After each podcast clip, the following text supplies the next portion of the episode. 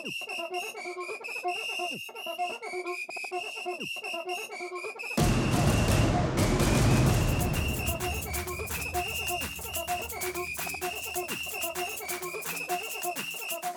ser det till som ledare att se alla och att få alla du leder att växa? Hallå, Jakob Wikenståhl här. Välkommen till ett nytt avsnitt med Sportljus podcast. För dig som är helt ny till podden så är vi en intervjupodd med perspektiv från idrotten som du aldrig fått höra förut. Vi gör en djupdykning i idrottens värld och intervjuar spännande människor om deras karriärer och liv inom idrotten. Vi tar helt enkelt med dig som lyssnar på en spännande resa bakom idrottens kulisser. Vi gör podden i samarbete med Sportidealisten, idrottsklubbens bästa vän. Få hjälp av en virtuell idrottskanslist eller hitta ditt drömjobb inom idrotten idag på sportidealisten.se. Låt mig nu få presentera dagens gäst. Han började med boxning vid 20 års ålder och kom i landslaget fem år senare. Sedan starten av Höllvikens boxningsklubb 1984 har han varit med och tränat själv såväl som blivit tränare. Genom åren har han utvecklat ett ledarskap som smittar av sig. Han blev årets ledare och eldsjäl på Eldsjälsgalan 2019. Klubben blev sedan 2021 en av fyra nominerade till Årets förening. Han är en karismatisk ledare som ser allas behov och önskemål. Han tränar allt ifrån knattar till elitboxare och pensionärer på Höllvikens BK. Jag pratar såklart om Ken Kvist som är huvudtränare och sportchef i Höllvikens boxningsklubb. Och med det sagt, varmt välkommen hit Ken. Tusen tack för vilken eh, introduktion. Man blev eh, tacksamt eh, rörd där.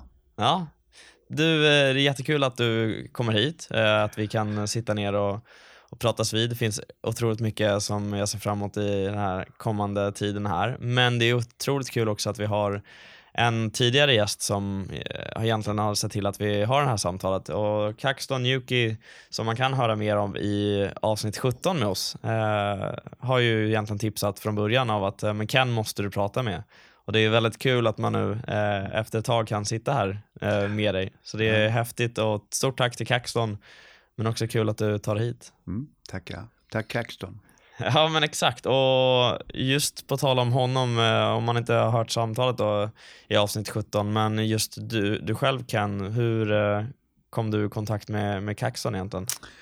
Ja, det börjar med att han är ju i grunden tennistränare och tenniscoach och eh, eh han var nere med sina tenniskillar i Höllviken eh, i, eh, ehm, tillsammans med Dave Bandelins Euro Elite och eh, där har jag ett samarbete där jag tränar dem i fys och mental härdsmälta. Eh, kortfattat. Eh, få dem till att inse att de har allt men de kan få mer om de eh, fokuserar. Och, och, många gånger så eh, tennistränarna de passar på att ta en liten paus då. Eh, därför de håller ju på med tennis nu flera timmar i rad. Men Kaxton stannade kvar och lyssnade på och var med på min träning. Och då ehm, um, klickade vi verkligen för han kände att ah, men vi är ungefär samma personligheter. Och det häftiga var ju efteråt när vi skulle säga hej så kramade man om varandra och det var som man nästan fick en liten stöt genom hela kroppen. Grym energikille. Och det, det här har ju utvecklats vidare mellan han och mig och um, långårig vänskap där han har varit med i advisory board både i boxningsklubben, värdehuset och nu eh, kan jag informera hela världen att han är alltså med i styrelsen i värdehuset. Och eh, han gör den här lilla extra. Häftigt mm. och det är klart att tar upp några saker som vi kommer att prata om eh, framöver men det är lite intressant, du, du nämnde här eh, med mental här, härdsmälta och att man har allt. Kan du bara kan du bara vidareutveckla vad du menar med att ha allt? Ja, alltså vi då i Sverige, eh, om vi tar lilla Höllviken eller vi kan väl, ja, vi kan väl utgå från Höllviken där barnen har det jäkligt bra. En rik kommun, eh, många har, många har det väl beställt. De har eh, kylskåp, de har eh, en säng, de har mat, de har en dator, de har telefon, de, de har pengar på banken, de har allt. Um, och kan man få dem till att inse att de har allt och att de leder matchen, då kan de hitta nästa morot till vad de, vad, hur de ska gå vidare. För de som har det lite sämre ställt, de vill ju ha det vi, eller de redan har. Det är ju själva min tanke. Och kan man förklara det på ett pedagogiskt vis, då, um, aha, ramlar polletterna ner. Och det kan ju vara en, eh, en av våra framgångsnycklar i boxningsklubben i Höllviken, att vi har fått fram rätt så många framgångsrika eh, stjärnor genom åren. Att sätta någonstans fokus eh, på vad du egentligen ska eftersträva. Så vad är det värt att lägga ner alla timmars träning? Mm, exakt. Jag tänker, om vi ska backa bak eh, lite, så tycker jag det är alltid intressant vad man har för sorts förknippning när man säger liksom, vad är första idrottsminnet? Och så jag tänker liksom när du tänker tillbaka när du var liten, vad är det första som dyker upp när du tänker på liksom ett idrottsminne när du var liten? Wow. Jag tänker på Ronny Hellström. Varför? Uh, jag uh, blev opererad i blindtarmen när jag var 6-7 år. Och hamnade på sjukhus, blev opererad. Eh, visste inte då hur illa det var. Den sprack nämligen och det fick jag berättat senare. Men när jag ligger där på sjukhuset kommer min mamma och hälsar på och då får jag en plansch med Ronny Hellströms eh, bild på när han ligger som ett streck i luften och räddar. Och detta måste ha varit när han var proffs, jag tror någonstans i Tyskland eller Holland där. Uh, och... Um, kan jag bara säga, alltså fotbollsmålvakt pratar vi om då? Ja, Ronny yeah. Hellström, fotbollsmålvakt. Och um, med hans autograf på. Så det, det är väl ett minne jag har. Uh, och jag var ju fotbollskille när jag var liten. Var du målvakt också? Nej, jag var inte målvakt. Jag uh, var, uh, höll på att säga tung center. Uh, körde ner huvudet i gräset och så sprang jag rakt fram. Så att, nej. Har du fått träffa Ronny eller sett när honom spela? Han, han har faktiskt bott nere i Höllviken och där i de krokarna. när han levde. Tyvärr har han gått bort nu. Och han har ju varit runt i Höllviken och i Trelleborg vet jag som målvaktstränare. Och eh, härligt ödmjuk kille faktiskt. Så jag har träffat honom. Häftigt, häftigt. Mm. Och du nämner ju där att du själv har spelat fotboll. Var det andra sporter du höll på med när du var liten? Ja, man provade på eh, bordtennis, badminton, handboll, judo. Eh, men det var fotbollen som, som drog. Och eh, på den tiden eh, hade vi vår gamla ordförande i Höllvikens GIF som tränare och eh, som en liten knatte sprang man på den här ängen och lirade. Så det var häftigt. När fick det ett slut med fotbollen? Jag eh, bröt benet när jag var 16. Fick det avsparkat i derbyt mot Vellinge. Eh, och jag var rätt så bra då spelade A-laget. Eh, gjorde det stora misstaget, började träna för tidigt. Eh, så eh, växte lite fel, höfterna blev fel, ryggen blev sned. Och så började jag styrketräna. Det blev också fel. Eh, på den tiden styrketränade man ju helt tokigt. Man var ju då 17-18 och då var det framsida som gällde. Det var bröst och det var biceps. Eh, baksida glömde man ju bort totalt. Så ehm, eh, fick problem lite med ryggen och blev större och större. Och, och det var inte så bra att ha så mycket muskler om man skulle spela fotboll, då skulle man vara snabb ju. Så um, uh, under tiden jag höll i alla fall på att styrketräna så uh, var det en boxningstränare eh, från Malmö som var nere på gymmet som hade flyttat ner till Höllviken. Och där kan man säga 1984 introducerades boxningen för mig. Vad, hade du någon koll på boxning sedan innan? Nej, inte mer än, inte boxning så, men jag var ju lite halvvild när jag var, när jag var uh, yngre.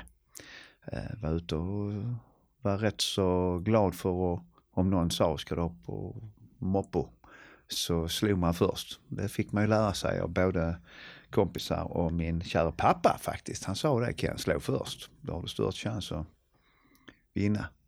Så eh, jag var väl en liten tuffing när jag var liten. Men när jag började med boxningen, då, då fick jag faktiskt inse att det här är ju farligt att börja slå på andra. Så, och sen kan man ju skada händerna. Så att, ehm, och plus, inte bara för min del, det är ju för alla. Helt säkert alla som får slå på en säck. Um, får möta någon annan i träning eh, sparra. Man, det, det gäller att vara här och nu. Du blir, man blir av med aggressionerna. Man blir, eh, eh man blir lugnare och harmoniska. Ser så lugn och harmonisk jag är nu. Absolut, ja. men jag tänker på när du börjar med då boxning för att du då säger att du själv kanske växte upp med att du kanske har gett ut första slaget i, i andra sammanhang utanför en boxningsring. När du började, spela, äh, började köra boxning, var det med handskar eller var det bara händer? När du började med boxning på riktigt sen? Ja, då var det bara med händer. Bara händer. Ja, ja, det var bara med händer.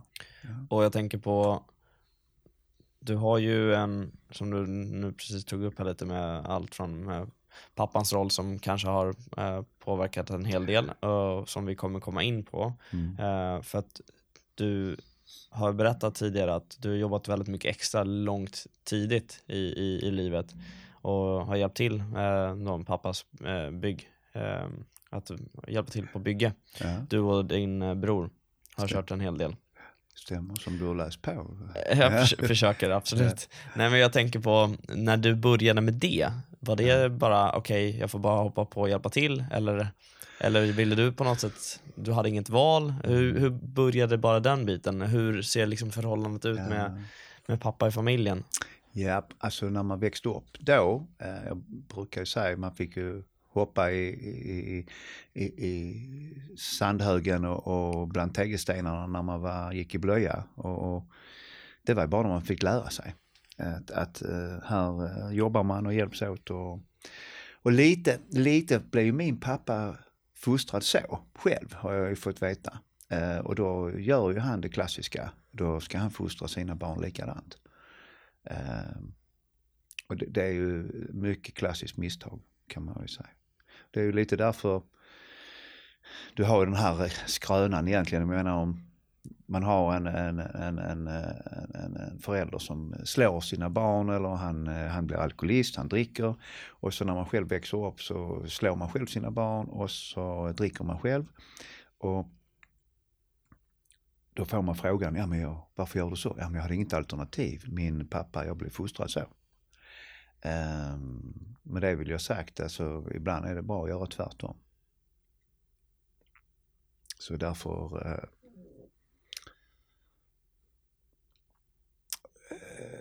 jag blir nästan lite tagen nu men, men uh, därför har jag aldrig uh, rört ett finger på mina egna barn faktiskt. Och så gäller det att vara försiktig med alkoholen. Mm. Mm. När du eh, har växt upp med dina barn, ja. så måste det ha gått runt mycket tankar tänker jag, i huvudet kring just det här som du benämner. Mm. Har det varit svårt att veta hur du ska göra för att du själv kanske inte velat ha som din uppväxt så har du velat göra något annorlunda men hur ska du veta vad som är annorlunda och vad som är rätt? Har det varit en svår väg? Nej, nej faktiskt inte. Den har... Uh... Nej, det tycker jag inte. Varit, uh rätt så tydlig. Eh, du vet när man har fått eh, eh, varit pappa till sin egen pappa och varit med på den resan när han har haft sina företag, företag och gått, han var ju, hade gott om pengar och välbeställt. Och, men när, han, när, man, när man då växer upp och um, man märker att uh, hans företag går konkurs och det dricks en massa och eh, man växer upp lite till och, och, man förstår, man blir runt 20-25 där och ens förälder, eh, han behöver hjälp. Och då blir man ju pappa till sin egen pappa. Och det, det, jag är inte ensam om att varit med om detta. Men eh, när man då får um, köra sin pappa till behandlingshemmet och eh, den, den nu bak efter så är jag ju tacksam att jag får varit med om denna resa. För det inser jag ju att jag, ehm, jag, jag är faktiskt jag är tacksam och fått lärt, lärt mig jättemycket av mina, min pappas misstag. Eh, bara för att inte grotta ner sig för mycket i det här men, men det, det, det häftiga var för min del det var när jag var med på den här anhörigveckan på Provita, hette det, hette det då. Ett behandlingshem för alkoholister och narkomaner. Där när man är med på anhörigveckan så får man eh, träffa eh, de anhöriga till alkoholisterna. Och, eh, och i alla fall, vi sitter på en, eh, en uh, genomgång Eh, och då säger alkoholterapeuten eh, tack för att ni är här och eh, jättebra att ni är här för med era anhöriga. Och, och jag, ehm, jag ville ju egentligen, jag hade egentligen inte tid att vara med på den här anhörigveckan. Därför jag stod i en flytt och jag, ehm, jag, jag, jag hade inte tid att vara där en hel vecka. Men då säger den här eh, alkoholterapeuten när jag då väl eh, fått in min pappa. Jättebra att du har fått in honom här, superbra och nu ska vi fixa detta. Men så när vi då har den här genomgången med anhöriga, då säger hon till oss de här orden, jag glömmer aldrig dem. Ni är inte här för er anhörigs skull. Ni är här för er egen skull. Och då blev jag eh, förbannad. Reste mig upp och skulle gå. Och jag kände mig liksom lite lurad. Och då säger hon när jag är på väg ut genom dörren, Ken stanna för du behöver detta. Du behöver detta. Um, och den, den, där, där kom en, uh, verkligen en uh, uh, polett som ramlade ner. Och jag är jäkligt tacksam jag stannade den veckan och fick vara med. Mm.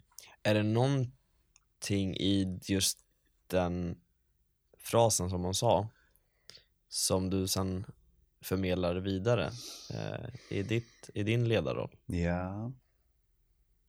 Grymt bra du tar upp det för det har skapat, det har skapat, eh, alltså det gäller inte bara jag, tror jag, men alla som har haft de här eh, problemen med sina föräldrar eller anhöriga.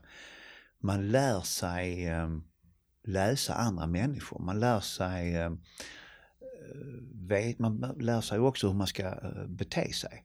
Ehm, det är så lätt man blir eh, medberoende.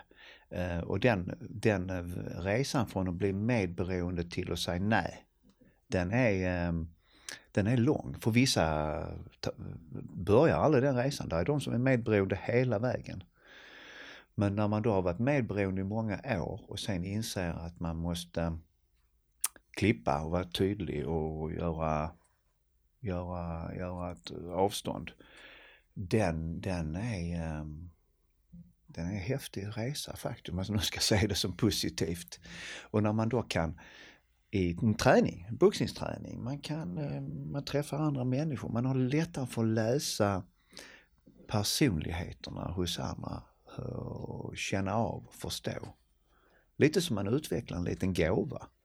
Ehm, så, så ska ni förstå.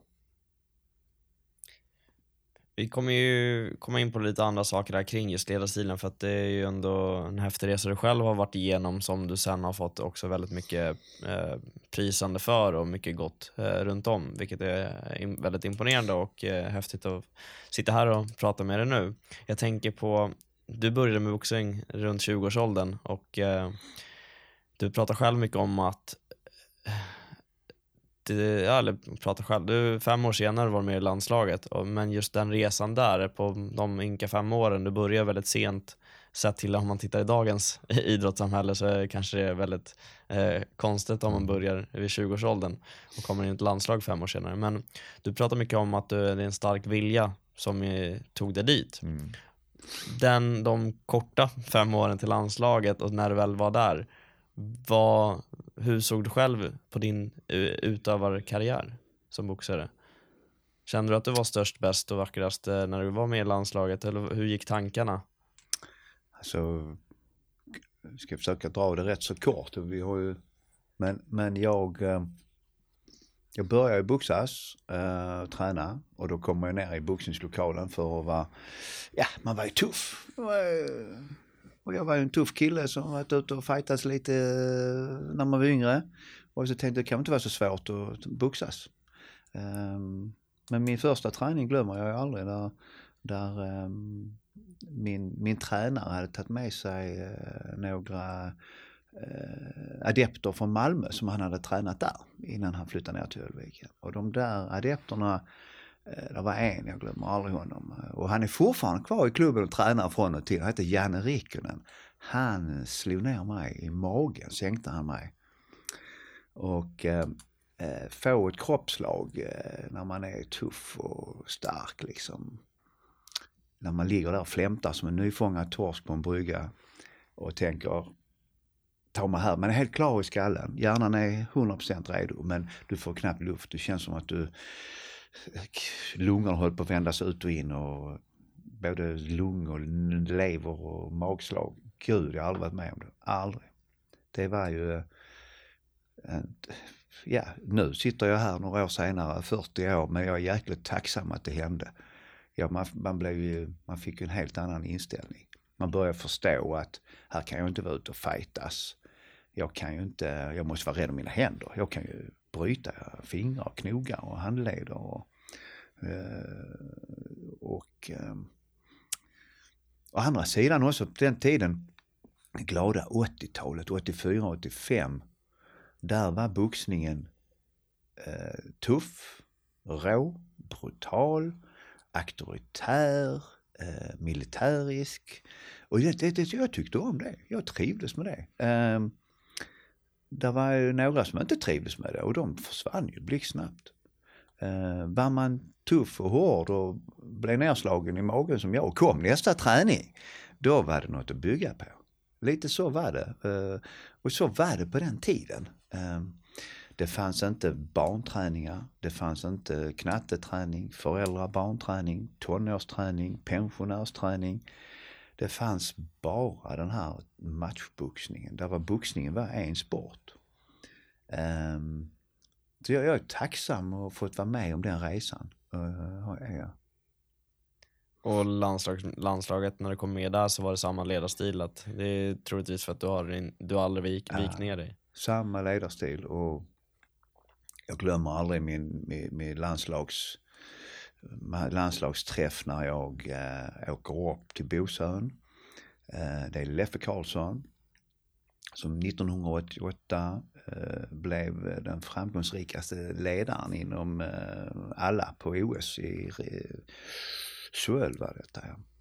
Men eh, några månader tidigare så var det ett landslagsläger uppe på Bosön där de Eh, ska vi säga om jag minns rätt, fyra, fem stycken av de ehm, eh, aktuella i varje viktklass eh, fick mötas under rätt så tuffa förhållanden. Vi fick gå riktiga matcher och det var inte så att det var tre ronders matcher utan det var fyra ronders matcher. Eh, och eh, där jag fick möta svenska mästaren i 75 och någon som var tvåa i 81 och någon som hade gått upp i 91 och skulle gå ner och någon som var junior och som var svensk mästare. Så vi fick mötas och, i matcher. Och eh, jag glömmer aldrig på söndagen när eh, jag står inne på toaletten, vi är färdiga, jag är precis på väg att åka hem, jag ska bara tvätta händerna och så kommer förbundstränaren in. Jag ska också gå på toa. Så frågar jag Leffe, Leffe, när bestämde du dig för att du skulle ta ut mig? Och då sa han, jag bestämde mig första dagen. Men jag vill inte säga det till dig. För då hade du kanske blivit en annan personlighet. Och den, um, jag tyckte det var en bra egenskap faktiskt. Det var tufft och hårt men jag, den, den har jag tagit med mig. Uh, och kunnat vara lite eh, något liknande till mina egna adepter genom åren. Varför tror du det är bra att inte säga sånt på en gång?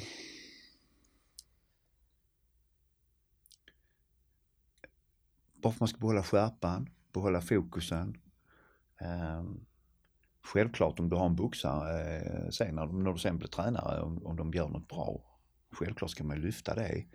Men man måste också lyfta saker som det här kan vi förbättra. Så hade jag fått ris och ros, eller väldigt mycket ros eh, första dagen och känt att det är hemma, då, då, då, då, då eh, hade man kanske tappat fokus. Mm. I din resa som boxare själv, mm. hur har du sett till att hålla dig målmedveten och att fortsätta komma upp ur sängen varje dag? Ja, pratar vi min tävlingskarriär ja. nu så eh, måste jag säga att eh, den var ju fantastisk. Jag har fortfarande rekordet i klubben på 34 sekunder knock i första ronden. Min första matchen i klubbens historia. Och där, där eh, kom ju mitt självförtroende på topp. Tänkte wow, vilken kille. Fan vad bra jag är. Och alla klappar mig på axeln. Och här har vi den knockoutkungen från Höllviken. Eh, slagskämpen som sen blev, blev eh, eh, boxare och knockar folk till höger och vänster. Sen eh, andra matchen förlorade jag. Tredje förlorade jag. Någon blev jag diskad i, någon blev jag varnad i. Eh, jag förlorade, nu har jag inte startboken här, men jag förlorade 6, 7, 8 på raken. Alltså från att känt mig som en världsmästare till ehm, um, var helt värdelös. Jag lekte ju med tanken, alltså jag, nej jag vill inte längre. Jag ger upp. Men man gjorde inte det. Och sen när det vände, match, vi säger åtta eller nio, när det vände, när jag åkte över till Danmark och hade inte någon press på mig och där var, var bara jag och min tränare och mina eh, klubbkamrater och, och när jag möter en kille där och dansken är på väg ner och han går ner en gång och han åker ner en gång till och det var, det, det bara släppte allt. Då, då är proppen ur och då, då, då börjar jag, ehm, då börjar jag uh, hitta självförtroende igen. Så den var, man är ju aldrig, det är en klyscha, men man är ju aldrig bättre än sin senaste match. Och jag är jäkligt tacksam att det hände. För eh, det fick ju mig att verkligen eh, inte ge upp och kämpa på och, och så vidare. Sen var jag ju ingen tekniker. Jag slog lite vilt, jag träffade lite fel ibland så bröt man en handled här och bröt en handled där. Och så tre handledsbrott så eh, blev inte min karriär så lång. Och är det något man inte ska skada i boxning så är det faktiskt händerna. Det är inte så bra.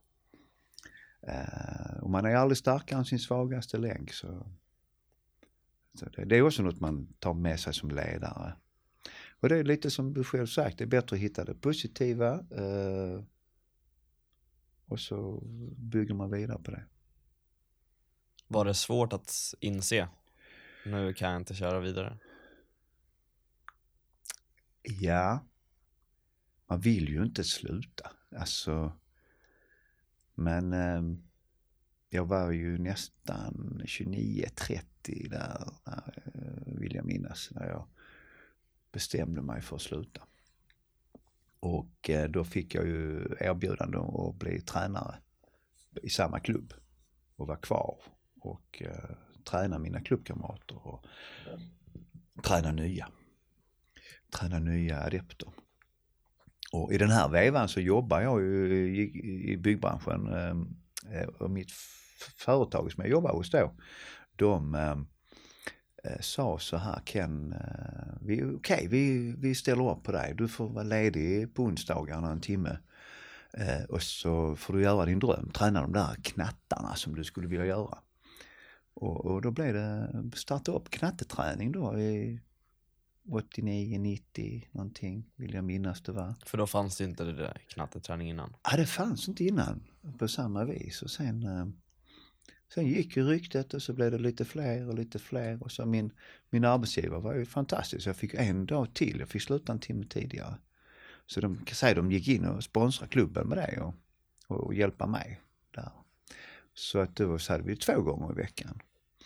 Och utifrån där började mitt eh, ledarskap och ta form och man började utbilda sig lite. Och...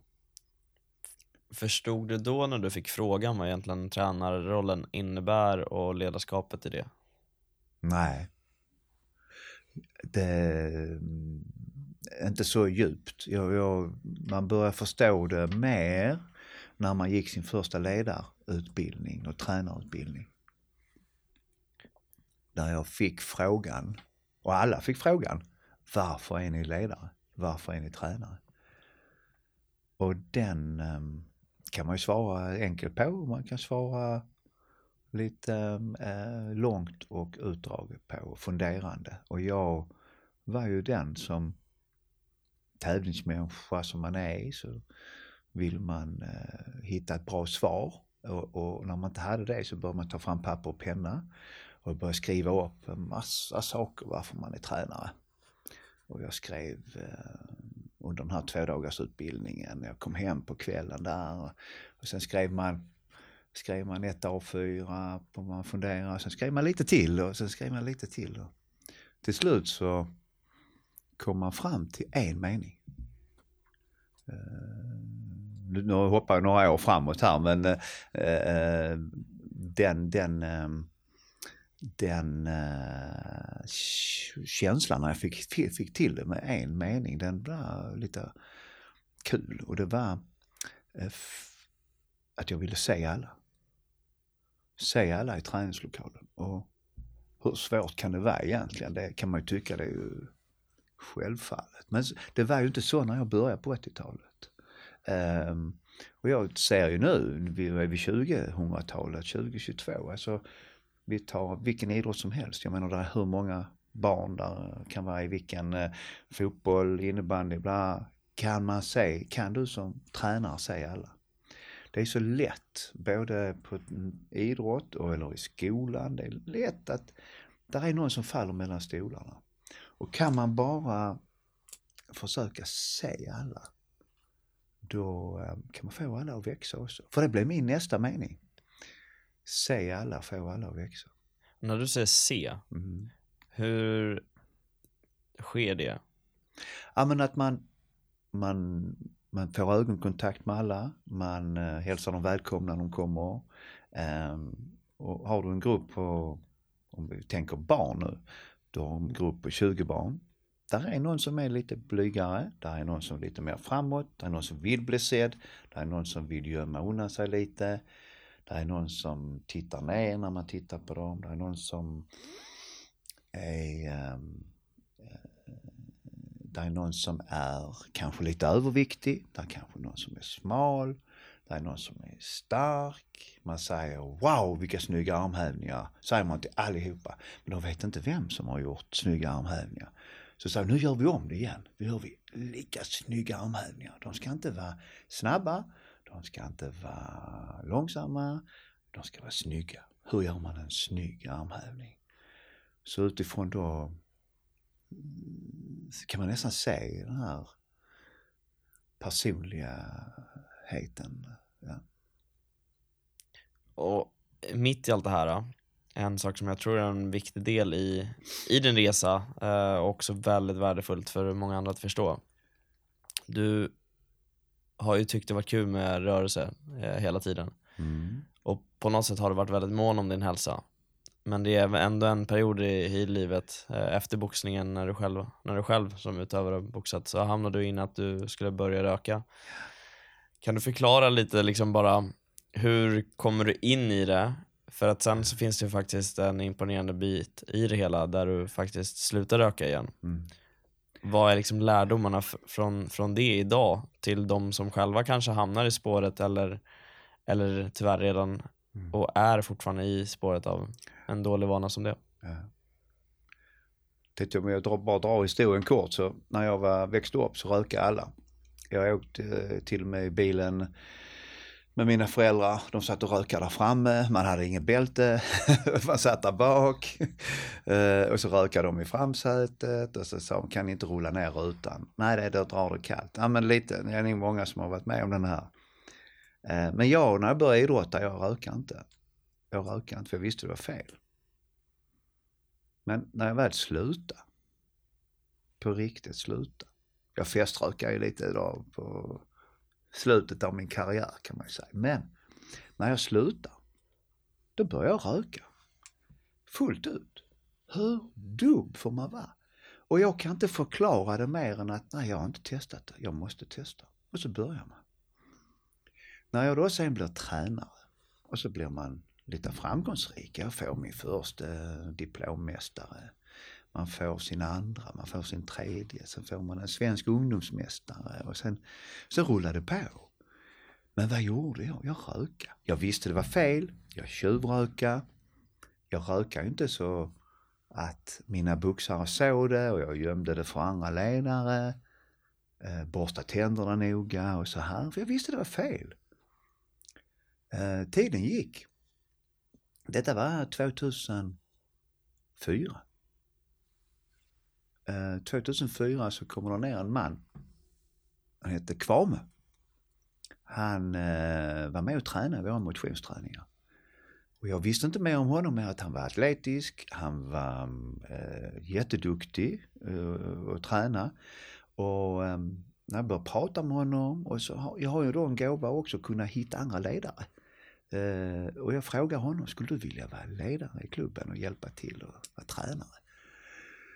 Och då säger han jättegärna. Eh, jag har ett år ledigt nu innan jag ska göra det och det och det. Jag tänkte det var ju en jäkel tänkte jag. I alla fall, han börjar hålla pass och jag tyckte jag brukar kolla upp så att jag är med på passen så att de... Eh, men det skötte han ju hur bra som helst. Men jag var ju med bara för att lyssna på honom. Han var ju fantastisk. Eh, stannar ofta kvar han och jag. Han pratar och coachar mig. Eh, kom med kloka idéer. Han introducerade personliga, de som jobbar med personligt ledarskap, eh, människor som jag inte ens kände till. Jim Rohn, Anthony Robbins. Visade sig att han hade bott i USA, pluggat och studerat.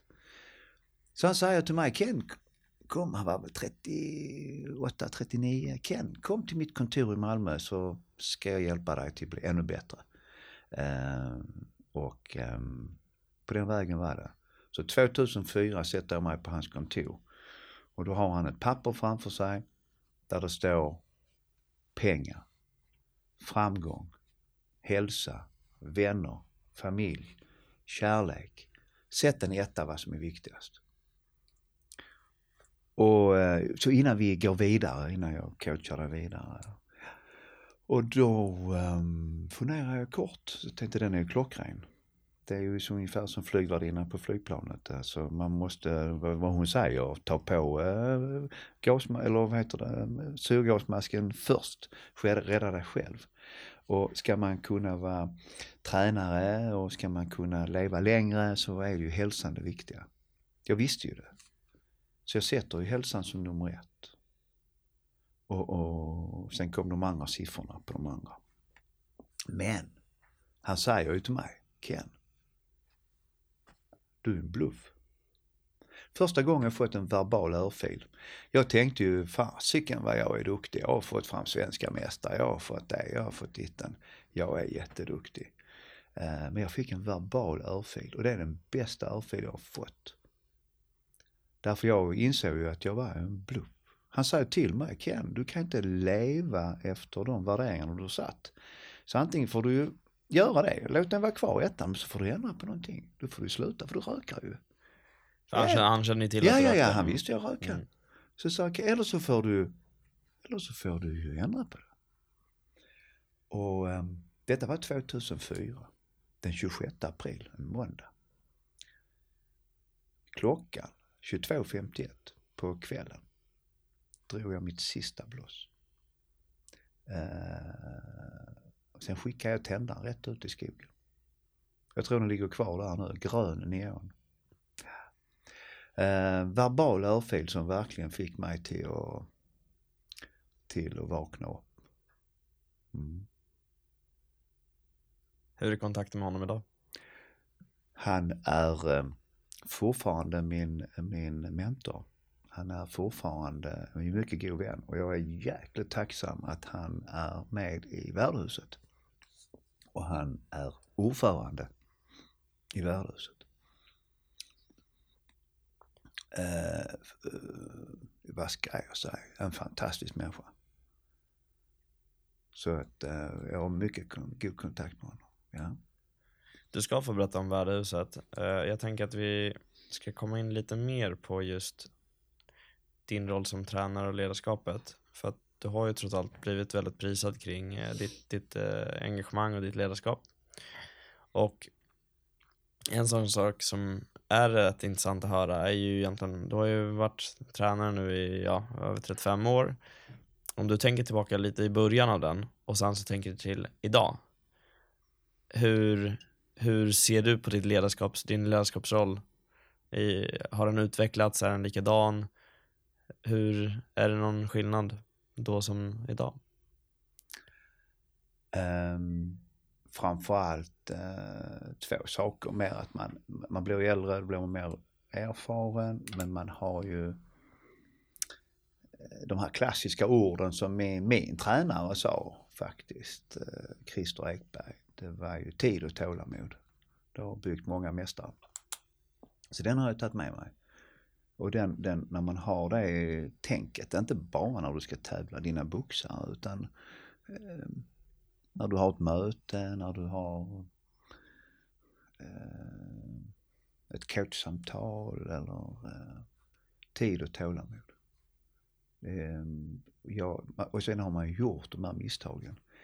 Jag brukar verkligen säga när jag håller pass att ni ska vara jäkligt tacksamma att ni har gjort fel. Ni ska vara ännu mer tacksamma om ni har kommit på att ni har gjort fel. För då är ni på väg att lära er. Så varje gång ni har kommit på att ni har gjort det fel ska ni nästan ta av era handskar, skaka hand med er själv och säga Wow, nu är jag på väg att bli bättre. För inser man att man har gjort fel, det är då du kan ta nästa steg. Så man, när man då, det är det många kan göra när du har gjort felet så blir du förbannad på dig själv. En målvakt som tappar bollen, vad gör han? Han eh, sparkar på stolpen. Eh, eh, jag har varit med om boxare som har förlorat och spottat ut tandskyddet. Ehm, ja, det är så många exempel genom idrottens värld. Man har sett lite som stort på TV. Det har varit världshändelser. Zinedine Zidane, när han 98 skallar ner sin motståndare. Han gör ju det klassiska motstånd, eller misstaget där. Och så vidare och så vidare. Mike Tyson biter Evander, real deal, Holyfield i örat. Eh, det är stora egenskaper, misstag. Det är de som gör misstag som inte, som inte inser att det är fel. Ta eh, Maradona. Nu känner jag inte honom men, men håller på med droger in i det sista. Och, det är många stora stjärnor som har hållit på med det. Musikbranschen, artister. Ja, jag är jäkligt tacksam att jag har gjort fel faktiskt genom åren. Sen gäller det faktiskt att ha tur. Träffa en sån man som Kwame. Som säger till mig, du, det där är fel. Hade det varit en, en auktoritär person, vi säger det varit min pappa som har sagt till mig och gett mig en örfil så du och du gjort fel. Boom! Alltså, det hade, då hade man gått i försvarsställning som en igelkott liksom. Det är ju också, det är många kan göra. När du, när du blir utsatt för en, ett påhopp. Mm. Jag tänker nu när du säger då med att det här kvammet varit en stor hjälp. Jag tänker, vi har fått in lite lyssnarfrågor när det kommer till förebilder. Mm. Vilket kan eh, vara en, en intressant del i, i hur du ser på din roll som ledare. Har du mm. haft någon förebild eh, kring en som en ledare eller har du haft förebilder generellt sett? Ja, jag har haft, eh, eh min, min första förebild var Sven-Åke Nilsson som var, kallas bagaren i Höllviken, skorpesnickaren. Han, eh, han var min första tränare. Han var även eh, ordförande i klubben. Han var en god, god gubbe. Eh, han var inte så kunnig kanske, eh, man tänker efter nu, men han, han, han såg oss kids och, eh, Jag glömmer aldrig en träning eh, som jag också, det har jag också tagit med mig. Eh, var en fotbollsträning. Vi springer där och spelar på gräsmattan och så eh, sa han, när jag blåser i pipan då ska ni bara stanna. Och så eh, var vi 6-7 år och så blåste han i pipan och så stannade vi.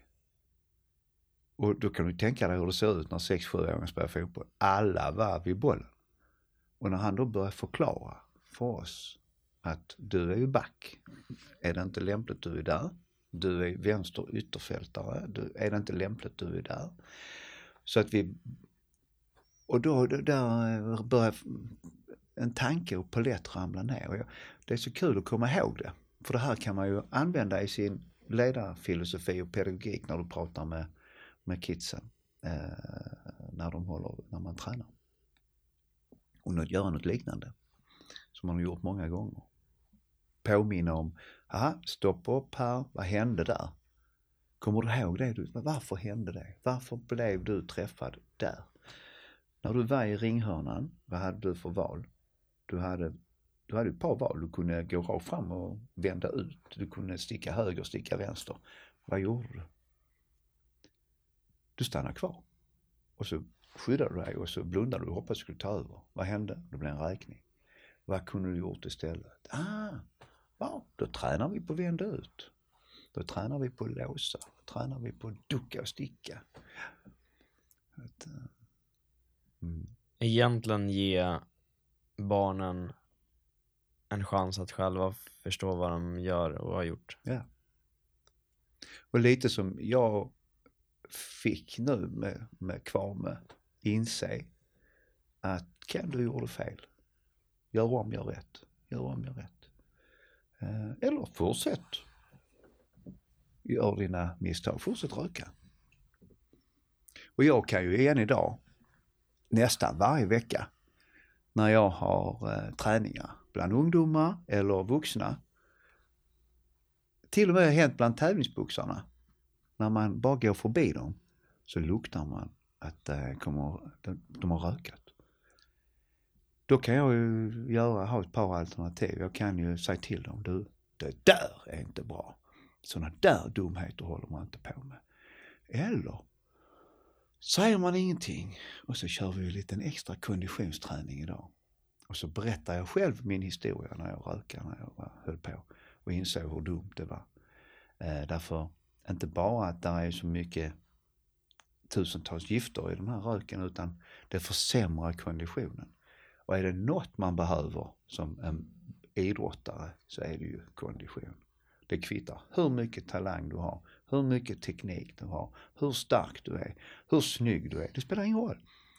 För tar konditionen slut så är det som att köra en bil utan bensin. Så därför blir jag glad att jag slutar röka. Så behöver man inte hoppa på personen i fråga. Och, och det har hänt också genom åren att de har kommit sen och sagt du tack. Jag tror det är mm. passande som du varit inne på mycket här av att ja, man kan göra fel men att man förstår vad man har gjort för fel och, och gå vidare. Eller så kan man eh, i, jag tror du har varit en förebild för väldigt många där ute i din ledarroll av att du kan visa misstagen som, så de inte behöver göra dem själva men att man på något sätt försöker dem förstå varför det är ett misstag, eller som du nu tar med rökningen här, att man, du berättar själv, berättar själv eh, din story kring det. Så kan man i alla fall hjälpa fler så att de inte behöver börja på ruta ett om och om igen utan de kan faktiskt hoppa direkt till ruta 10 mm. eller vad det kan vara. Vilket är väldigt härligt att se. Och i det här, vi har fått ytterligare ledar, äh, ledar, vi har fått ytterligare frågor från lyssnare när det kommer lite där, vad är det som egentligen är kanske viktigt som en ledare? Vad är, vad är det som är viktigt att tänka på? Vad är det viktigt att, att besitta i kompetens? Vad är det du tänkt på när det handlar om att vara en bra ledare?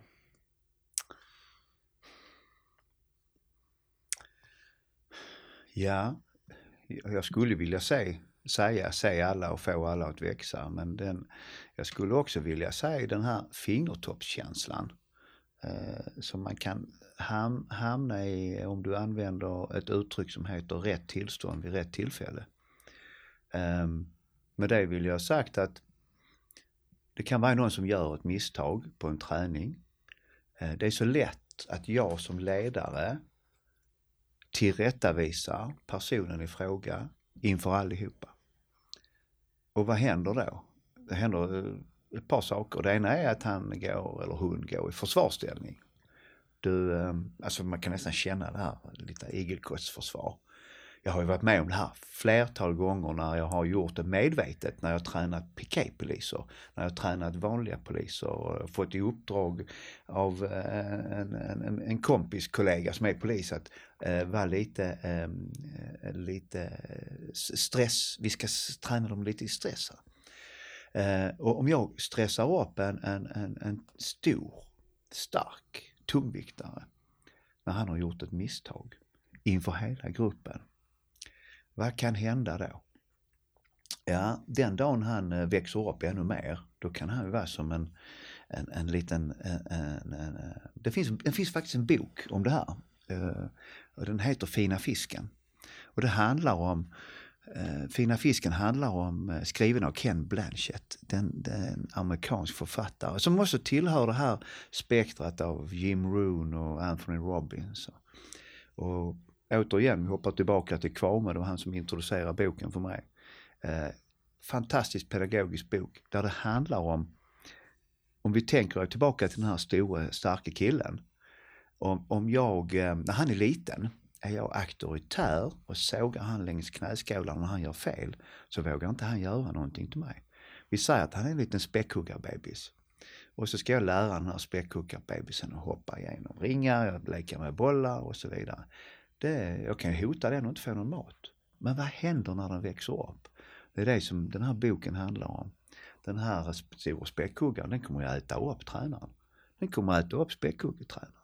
Det är därför man ska vara lite smart, man får vara lite avledande, pedagogisk. Man ska berömma istället. Be avled, beröm, ja, du gjorde det bra, bla bla bla. Jag har ju varit med om en eh, tungviktare som har gjort ett fruktansvärt misstag. Som kommer till vår förening och vill bli ännu bättre. Och han var svensk mästare för ungdom och junior. Och han kommer till oss för han vill bli ännu bättre. Och när vi är ute och springer så på sommarträningen inför uppbyggnads inför hösten. Vem kommer sist tror du? Det gör ju tungviktaren. Det är för han är störst och tyngst. De andra lätta snubbarna och tjejerna och till och med jag var före som var med och sprang. Men då har jag ju en möjlighet när han kommer gående.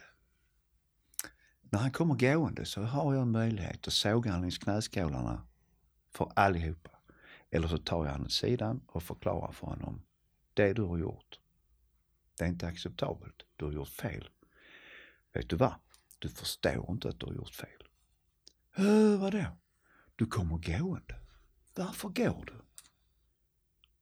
Ja, men jag är ju sist, säger han. Men snälla, det är inte därför du tränar. Du tränar för att få bättre kondis.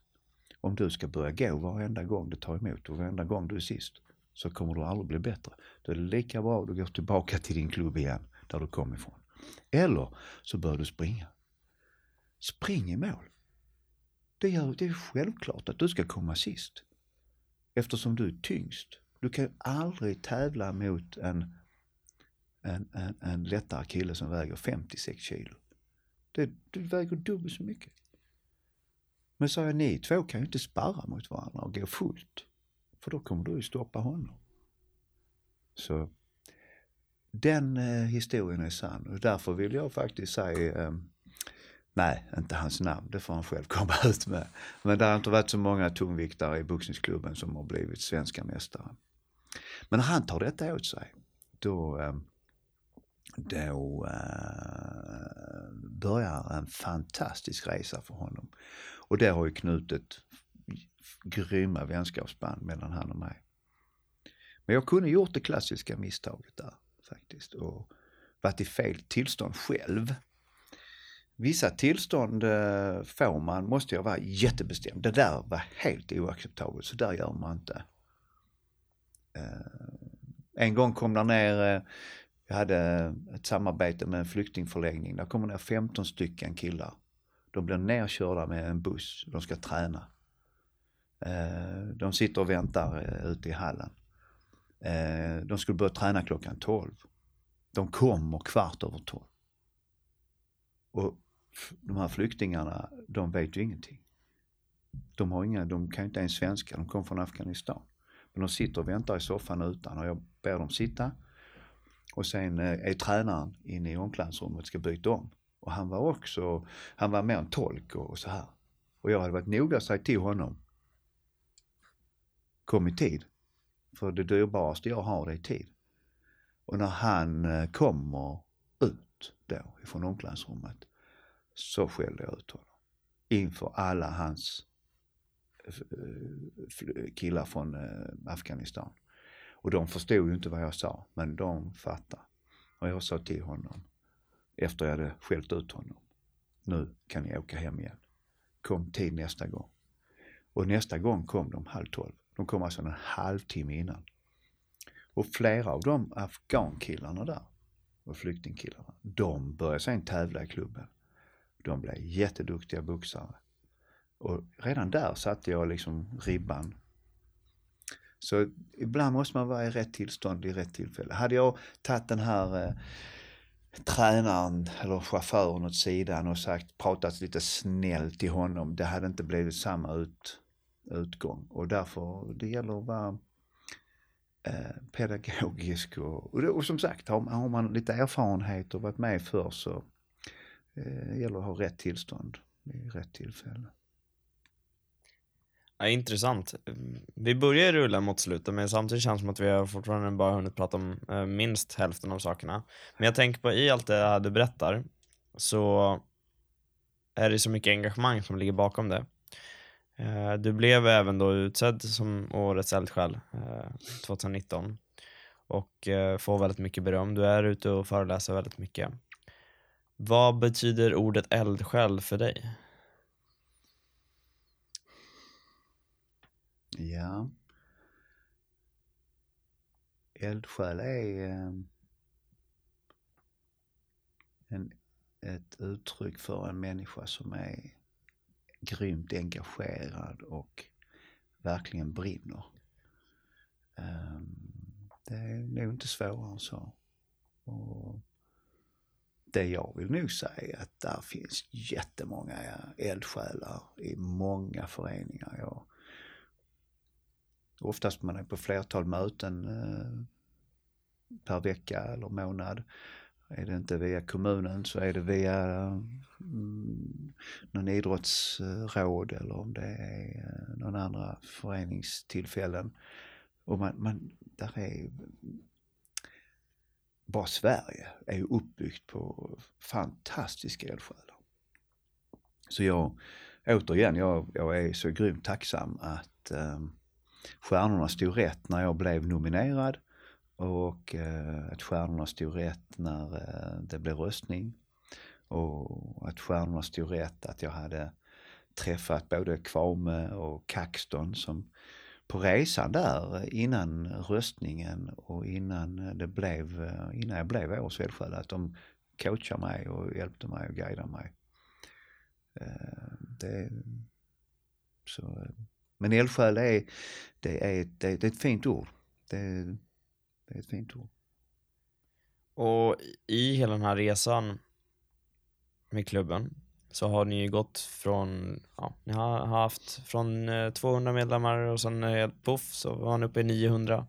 Mm. Eh, en otrolig utveckling eh, på så sätt i klubben. Eh, ni har också startat upp något som heter Värdehuset och eh, ni har startat upp ungdomsstyrelser. Mm. Eh, du har fått in fler personer som hjälper till. Någonstans så är det en, en utvecklingsfas här som du inte kan göra själv. Mm. Uh, hur har du fått hjälp eller tagit hjälp? Uh, och vad är det som gör att ja, men vad är det som gör just att det skapar sånt stort engagemang i din omgivning, tror du? Ja, då måste jag berätta om ytterligare ett annat misstag som jag nog fick ärva utav min pappa. För han både röka och drack och misskötte sig med maten. Eh, men en jäkla duktig hantverkare.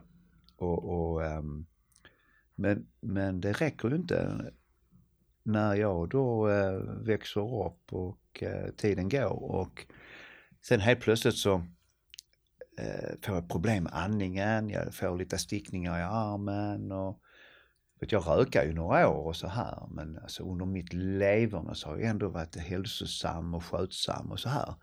Så att jag, jag ställer ju inte mig frågan, ah, men Ken du har nog problem med hjärtat. Men alltså 2014 så åker jag in till eh, akuten i eh, Trelleborg. Och eh, när jag knackar på, de, det är också lite skoj, men akuten öppnar klockan åtta. Det är inte öppet alltid, den öppnar åtta i Trelleborg. Så jag kommer dit och alla känner alla, där sitter en tjej i som mottagningen och säger Hallå Ken, hej, hej hej säger jag. Du, jag har lite problem här med andningen. Jag tror att det är den här pollen och det är löv och det är skulle jag kunna ta något mot, mot allergi och så. Så säger hon, du, du verkar kunna det här, du skulle kunna börja jobba här, skojar vi lite. Men så sa jag in och lägg dig på britsen. Så jag går in och lägger mig på britsen. Vi tar blodtrycket. Sköterskan säger, Ken, ligg stilla. Trycker hon på larmknappen och sen sprutar de, kommer de in och så sprutar de nitroglycerin i munnen på mig. Och jag, i min värld, jag, jag har inte ens förstått vad som håller på att hända, det får jag ju inse. Men jag har ju, jag är så nära att få en, hjärtinfarkt. Eh, tiden går, jag blir ju opererad, jag får insatt en stent och där jag förstår att jag haft en sån jäkla tur. Jag har gjort världens misstag men jag har förstått att jag har haft tur. Jag blir, jag blir opererad innan, innan jag får eh, eh någon problem med hjärtat. Det är som att byta en vattenslang innan, en, laga en vattenslang innan den går sönder. Och när jag i alla fall efter någon vecka, två där eh, hämtar mig efter den här operationen. Och det är ingen konstig operation, där görs 30 000 ungefär per år. Så det är en folkhälsosjukdom.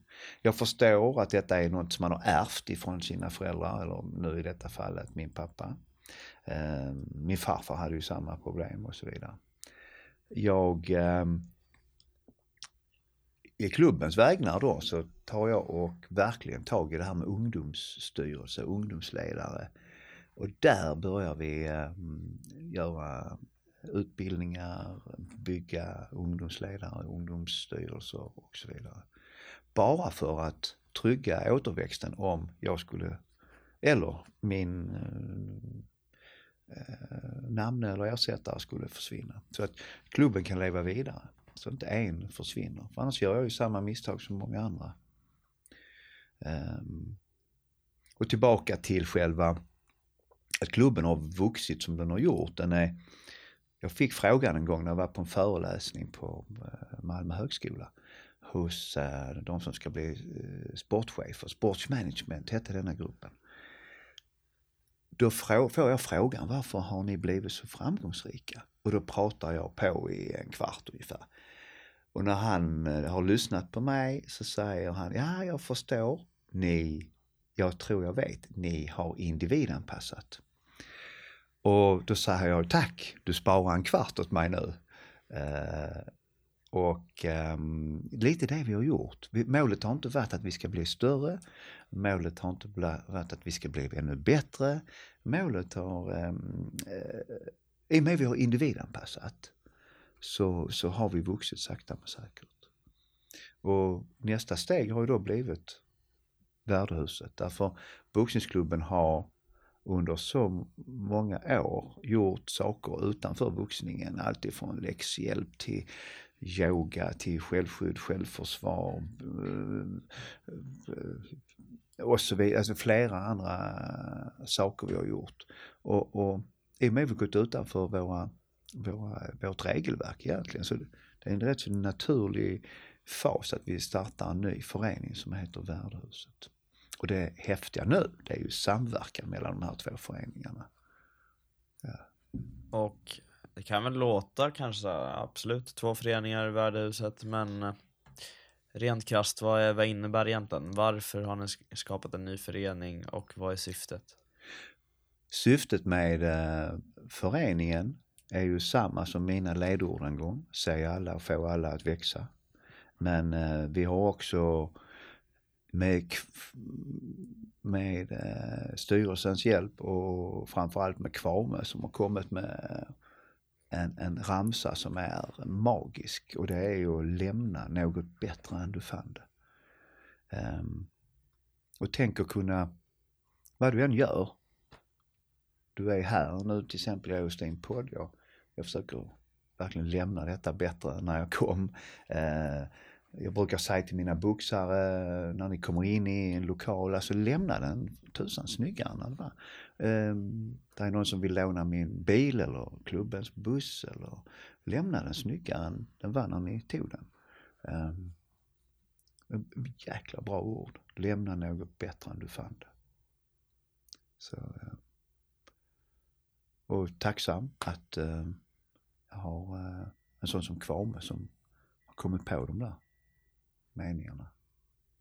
Vilka ska vara i värdehuset och vad är det som händer där?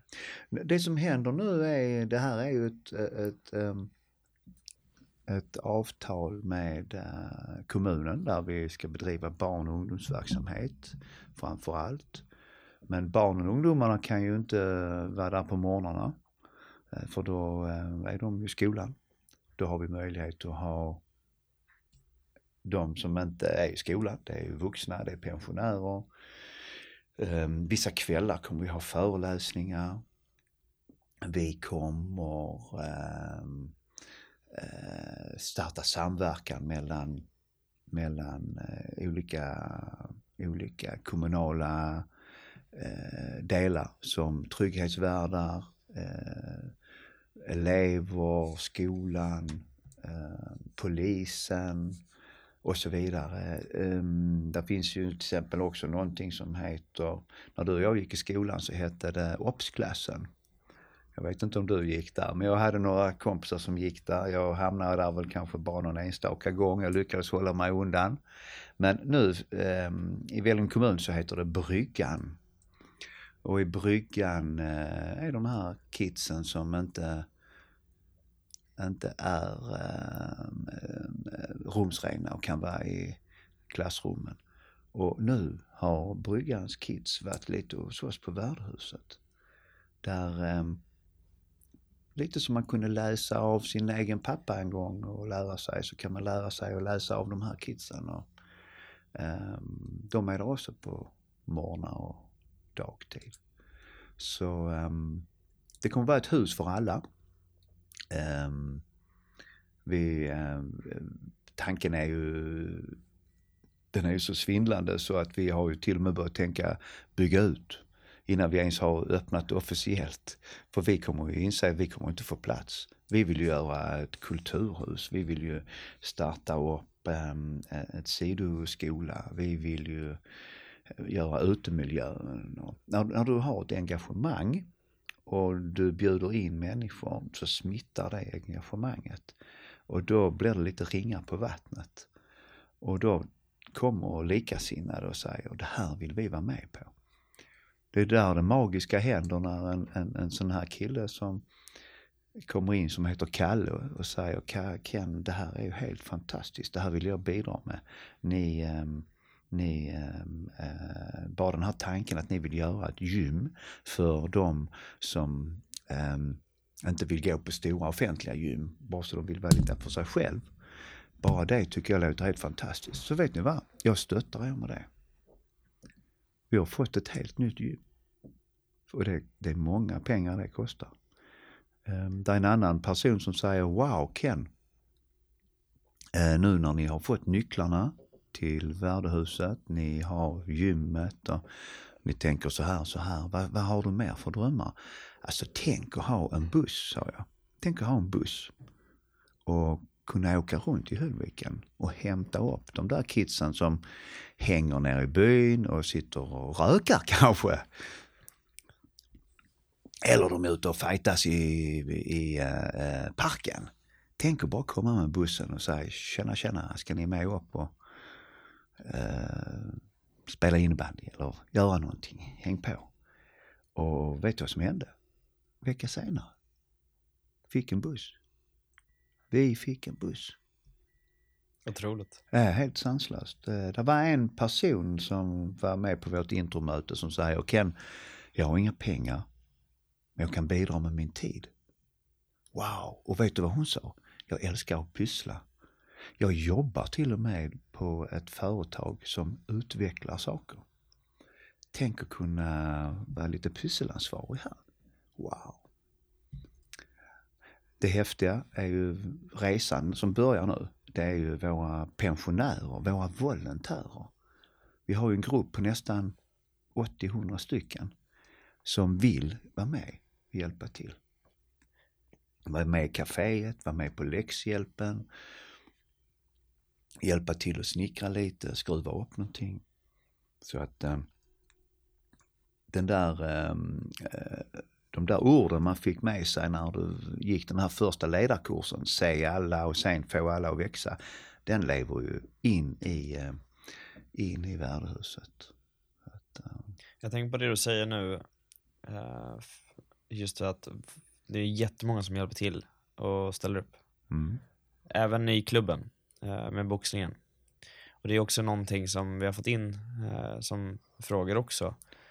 Just av att hur, hur kan man involvera barn och ungdomar eh, i då, ungdomsstyrelser och liknande? Hur sätter man igång det?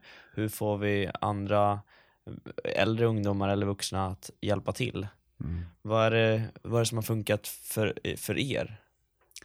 Alltså, jag skulle nog säga ett, ett egentligen ord som är um, så enkelt. Och det är att man är tydlig. Det är inga krusiduller. Lite som jag pratade med min tungviktare när han var ute och sprang. Um, lite som jag pratar till barnen. Vi har en ramsa. Uh, den heter STAR. Den är så tydlig och klar så det finns inte. Och använder man STAR och den här ramsan kom till när man startade upp samarbete med skolorna och de, det var lite problematiska klasser kan man väl säga som så. Och eh, den skolan ligger rätt så nära, den skolan ligger rätt så nära vår klubb utan att säga några namn. Och eh, den här stökiga klassen har nog slått rekord alltså till att vara den stökigaste ända sedan jag själv gick på den skolan. Och ihop med pedagogerna startade, gjorde vi en, eh, skapade vi en ramsa som heter STAR. Och den här är så tydlig så det finns inte. Den är respektfull och den är i prestige, eller förlåt, inte prestige, respekt och disciplin, ramsa. Eh, Men staret står för s Det är sitt eller stå när någon pratar. T är att man tittar på den som pratar. Och tänk om de två sakerna funkar i ett klassrum. Det är ju fantastiskt. Då är det ju nästan så läraren har halleluja moment. Men och så kommer A då, vi är inte ens halvvägs i ramsan. A är att man avbryter. Aldrig. Man avbryter inte en lärare som har 15-17 års eh, skolgång för att bli lärare plus massa erfarenhet. Men sen har man möjlighet att avbryta både läraren och tränaren och föräldern. Det är att man räcker upp handen. Det är star. Sitt eller stå. Titta och var tyst. Avbryt aldrig. Eller räck, och så på sista, räck upp. Eh, när jag har haft förmånen att åka upp till Stockholm, vara med på Bosön, gå utbildningar och utbildat andra. Eh, jag har varit där med olika förbund och så har jag dratt den här ramsan.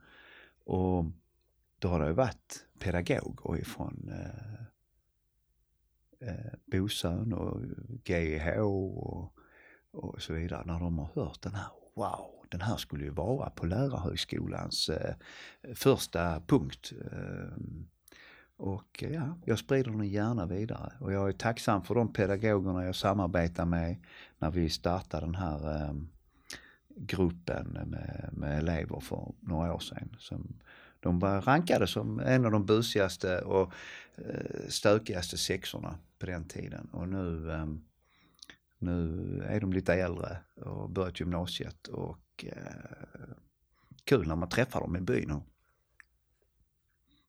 Ser skillnaden. ser skillnaden. Fantastiskt. Häftigt. Mm.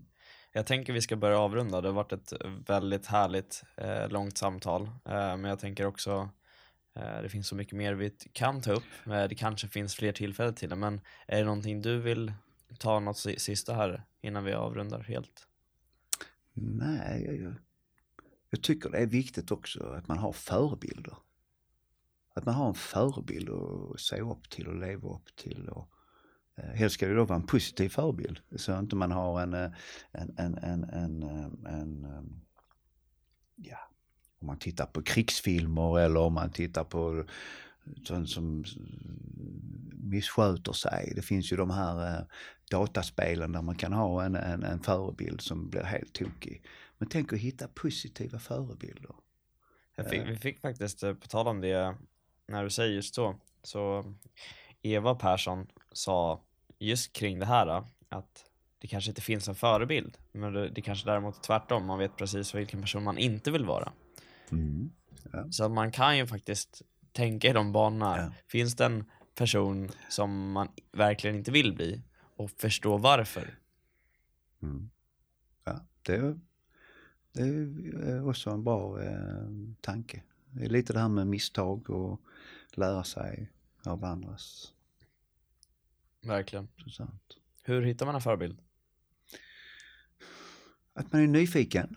Man eh, har öppna ögon. Man eh, tittar på människor, lyssnar på människor. Man, eh, jag har ju en annan förebild också, men den fick jag ju genom serietidningsvärlden. Och jag är ju fan av eh, en eh, kvinnlig, lite James Bond. Är hon. Hon heter Modesty Blaze. Ehm, lite, lite sån här, vad ska man säga, lite Robin Hood. Lite tog från de rika och gav till de fattiga. Men sen är det då lite modernare att hon jobbar i agentvärlden och jag vet inte om du känner till det. Eh, en kvinnlig James Bond som ehm, eh, har, slutar att vara kriminell och blir god och hjälper, eh, eh kan man säga, engelska underrättelsetjänsten och sen samarbetar hon med eh, amerikanska och, och så vidare. Sen kan hon mycket väl eh, avsky eh, droger och de som gör dumma brott och så här. Hon var ju lite mer den här eh, smarta brottslingen när hon var aktiv. Men så drar hon sig då tillbaka. Uh, ja, en, en fantastisk uh, vacker seriefigur. kan ju se dragen i din egen berättelse. Det finns faktiskt en boxningstränare uppåt landet um, från eh, en klubb eh, och han, han eh, är jätteduktig på att rita och teckna.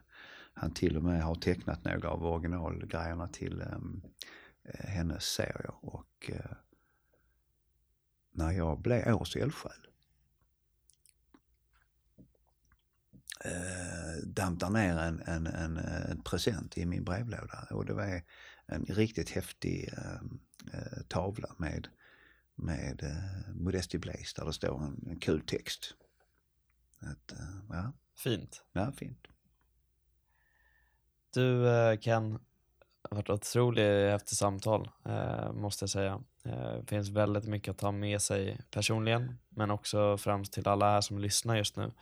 Så finns det väldigt mycket, man måste nog liksom pausa lite då och då. Mm. Eh, för det finns jättemycket som jag kan tycka är väldigt bra praktiska verktyg att ta med sig.